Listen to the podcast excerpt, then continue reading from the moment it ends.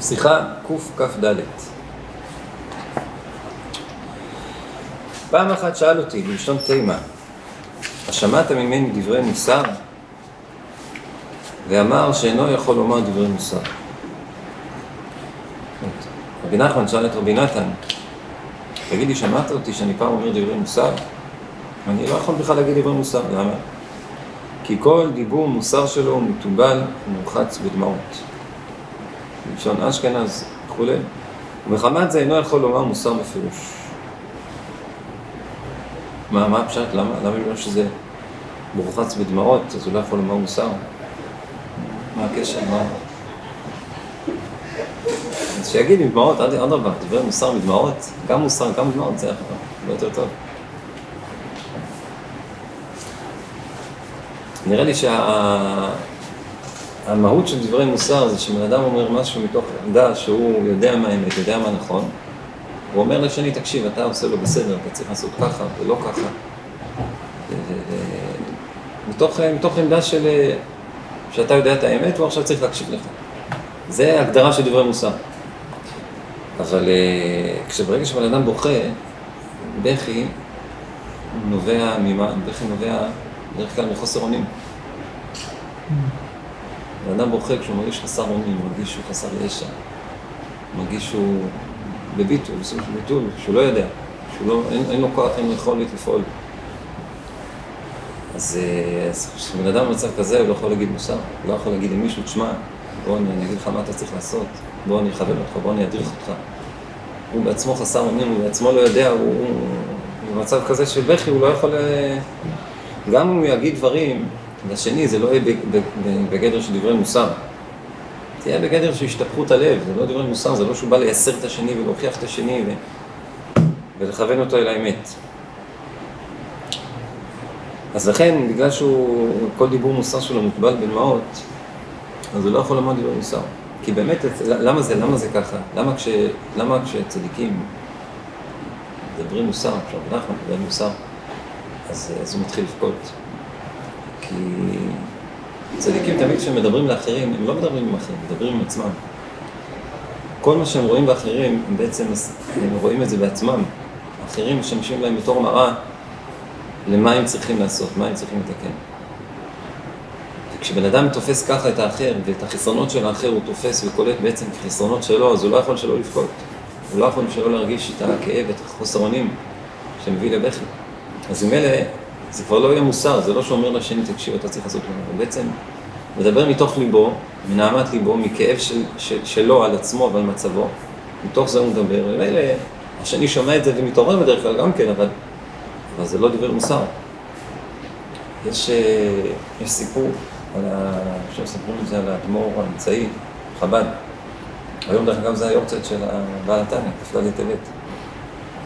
יש סיפור על האדמו"ר האמצעי, חושב האדמו"ר האמצעי, שהוא ישב פעם, נכנס אליו איזה מישהו עם איזה פתק, פתקה של...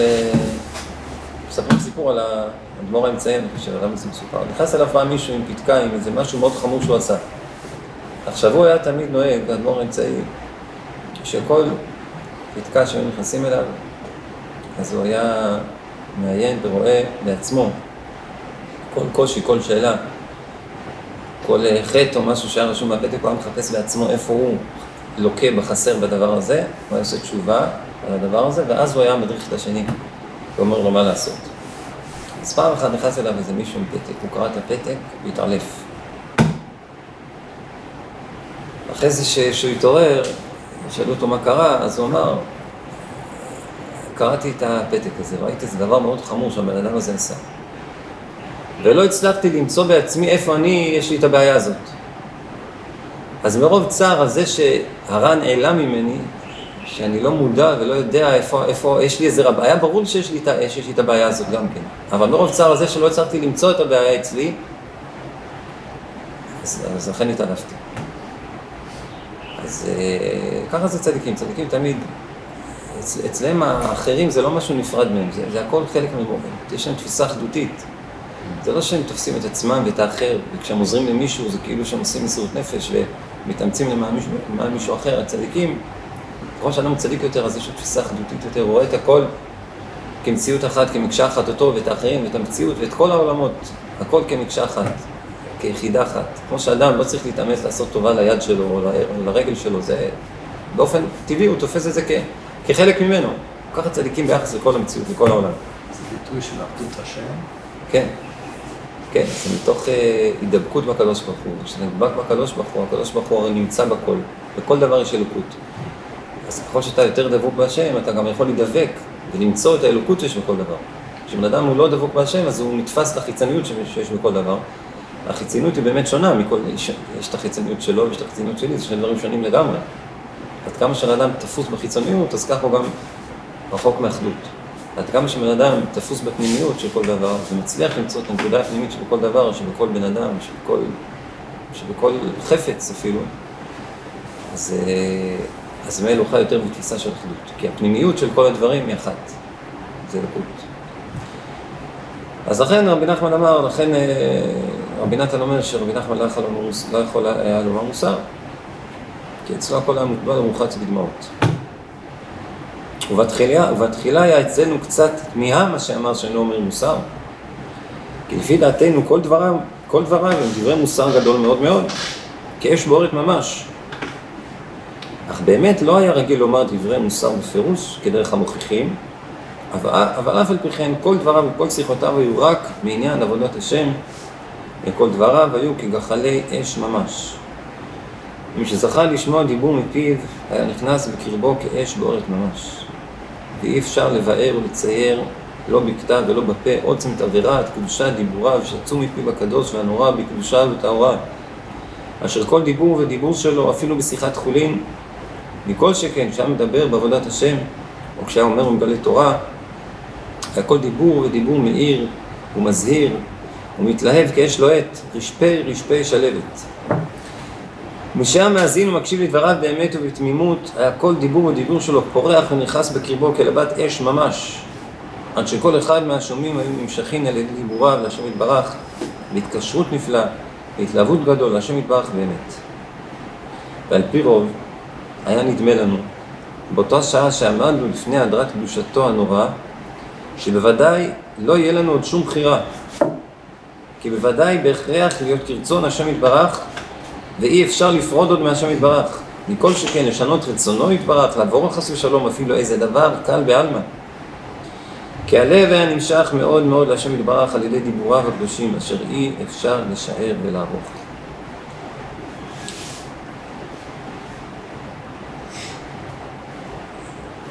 יש פה, אני חושב, שילוב של שני דברים ש... ש...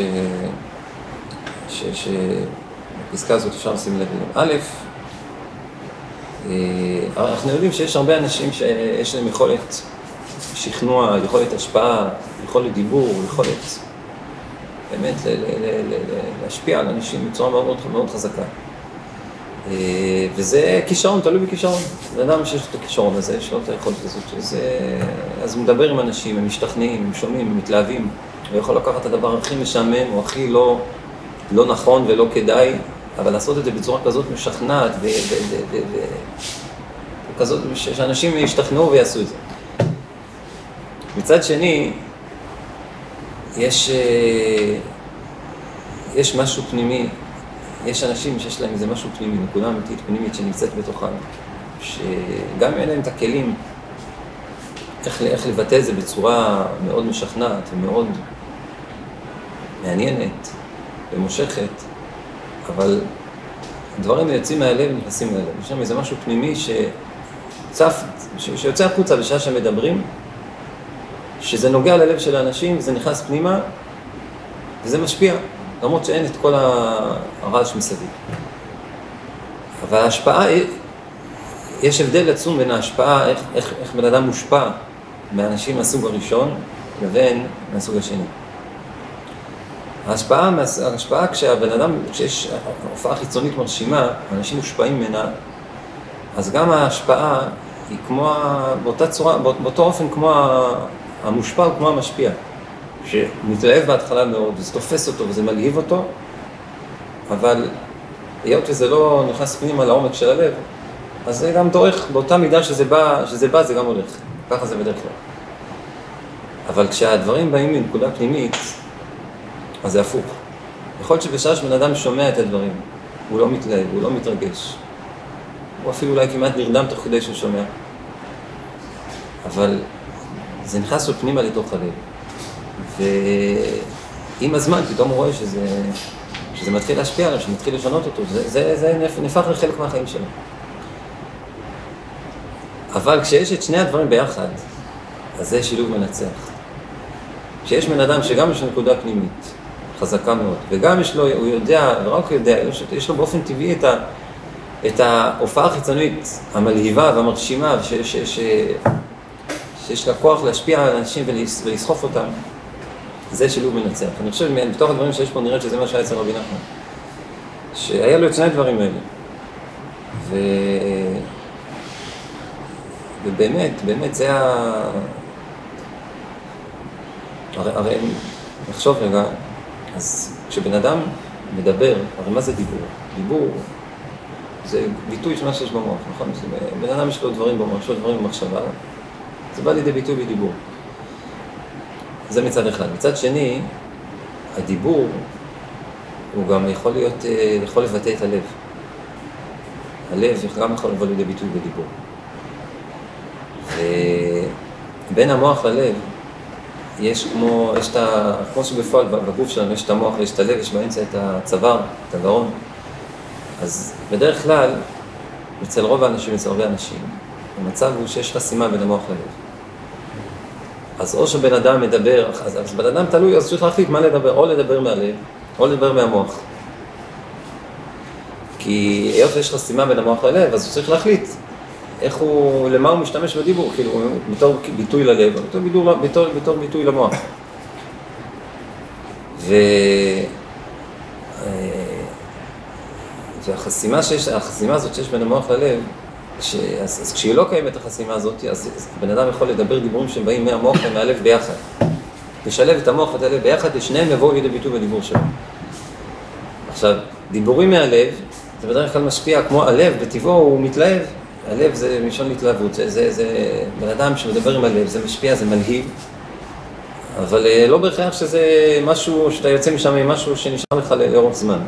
המוח זה הפוך, אדם מדבר מהמוח, מדבר מהשכל, זה, השכל זה משהו יציב, משהו שמחזיק המון זמן מעמד, אבל מצד שני זה לא מלהיב כל כך. אז כשבן אדם יכול לדבר גם מהמוח וגם מהלב ביחד, זה, זה, זה שילוב מנצח. וזה תלוי בזה שאין חסימה בין המוח ללב. היה פעם איזה אדמו"ר אחד שהתאשפז בבית חולים. זה לא קצת כמו המשנה. מה? שמה? כמו שאיזה משנה, כן, כמו מים לפנים, בן אדם לבנים.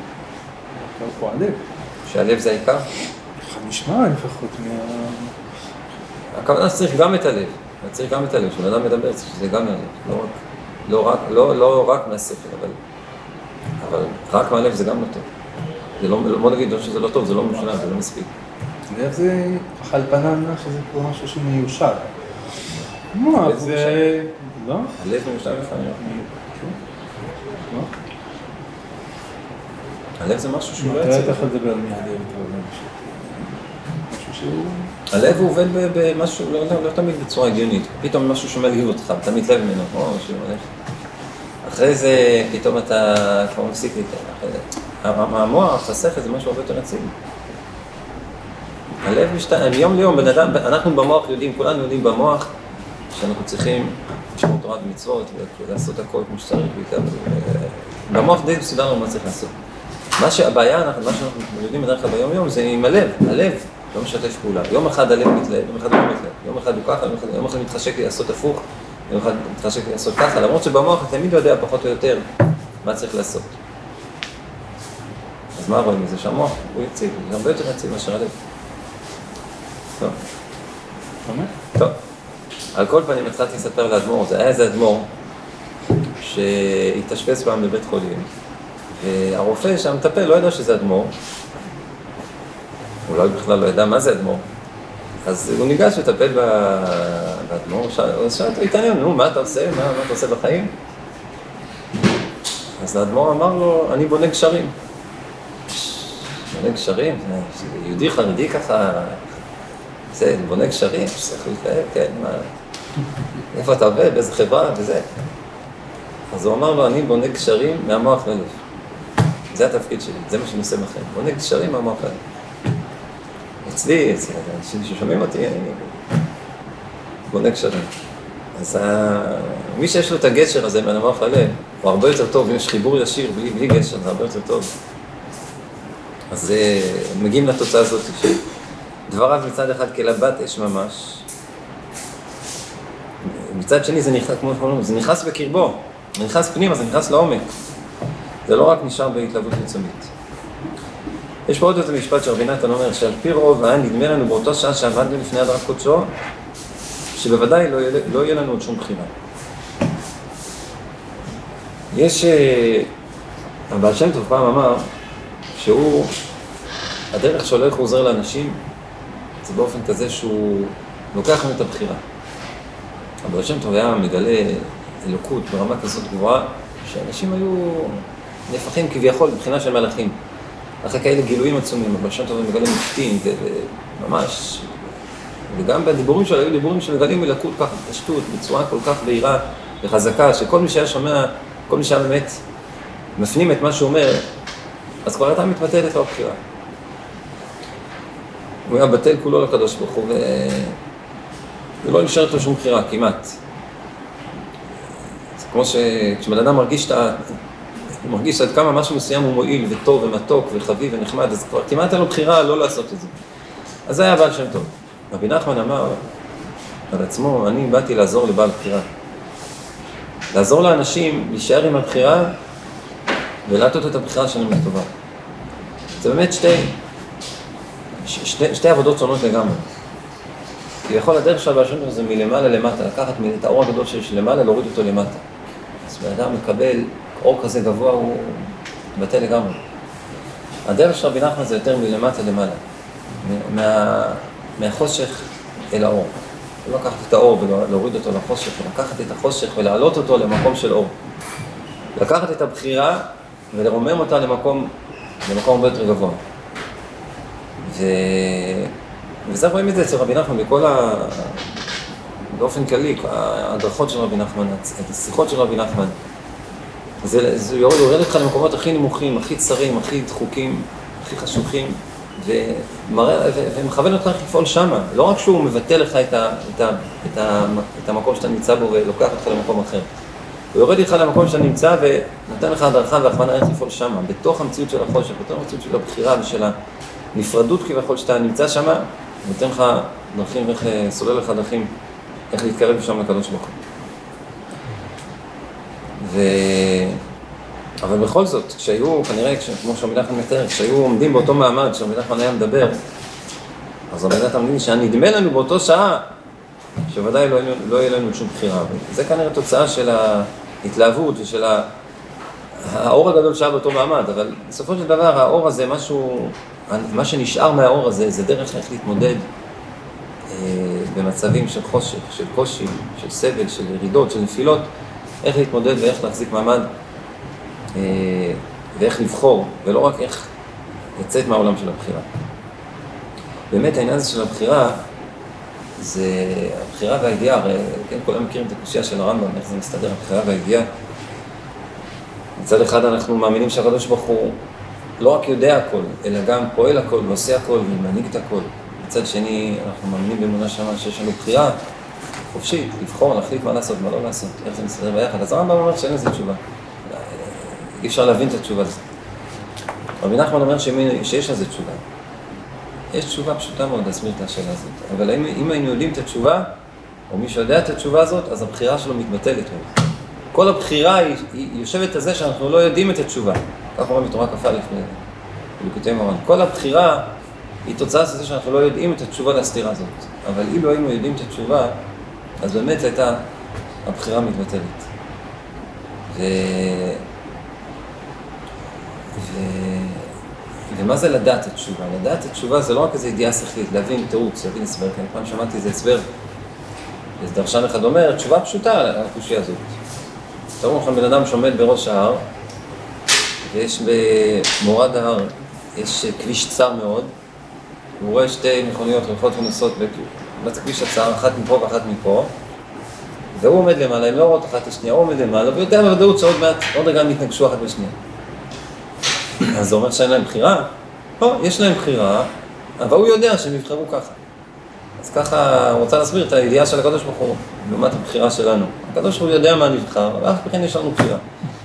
אבל כמובן זה לא תשובה מושלמת בכלל, כי בסופו של דבר, במציאות, במציאות הזאת, של, בדוגמה הזאת שאמרנו עם המכוניות, או שהידיעה שלו היא לא מושלמת, או שהבחירה שלהם היא לא מושלמת. אם הידיעה שלו היא מושלמת, אז ברור שאין להם בחירה גם. רק מה, הידיעה שלו זה לא 100%, הוא אומר 99% שהם ייתקעו. אולי פתאום, שהם ייתקעו אחד בשני, אולי פתאום יחליטו לעצור לפני שהם ייתקעו, אולי פתאום משהו אחר יקרה, וזה, אז לא, זה לא ידיעה של 100%, זה ידיעה של 99.9%. ממילא גם יש להם איזה אחוז מסוים של בחירה, אבל uh, הידיעה של הקדוש ברוך הוא היא 100%.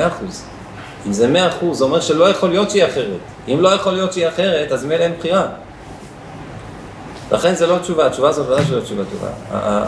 התשובה, התשובה האמיתית לקושייה הזאת, שזה, אני יכול להגיד את זה במילים, אבל להפנים את זה, מי שבאמת יפנים את זה, אם נזכה להפנים את זה, זה יהיה באמת יזכה להתעלות במדרגה של ביטול בחירה. התשובה היא, זה, אנחנו אומרים את זה בקידוש בליל כל שבת. אשר מחר, אנחנו אומרים את זה יום- כל יום בעצם, בברכות של ברכות התורה, אשר מחר בנו.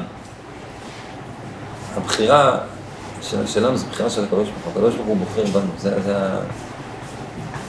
המשמעות העמוקה יותר של, של, של המילים האלה. אשר בחר בנו, זה לא שהקדוש ברוך הוא בחר בנו בתור בחירה חיצונית, יש לו מבחר, הוא בחר בנו. אלא הוא בוחר בתוכנו. מי שבוחר בתוכנו זה הקדוש ברוך הוא. מי שפועל בנו זה הקדוש ברוך הוא. מי שחושב בנו זה הקדוש ברוך הוא. מי שמדבר מתוכנו זה הקדוש ברוך הוא. ברגע שנפנים את זה, אז באמת המושג בחירה ישתנה לגמרי, מקצה לקצה, זה כבר לא בחירה נפרדת מהקדוש ברוך הוא. זה לא, לא איזה משהו שאנחנו בוחרים אחרת מהקדוש ברוך הוא, ויש אותנו ויש את הקדוש ברוך הוא, זה יהיה באמת בחירה של הקדוש ברוך הוא, שבעצמו בוחר. שזה בעצם התכלית, להעלות את הבחירה, לרומם את הבחירה למקום כזה גבוה, שזה יהיה מתוך ביטול הקדוש ברוך הוא, ולא מתוך נפרדות. שנזכה בעזרת השם לבחור בטוב, נזכה בטוב זה בגאולה שלמה וטובה, עכו, אמן.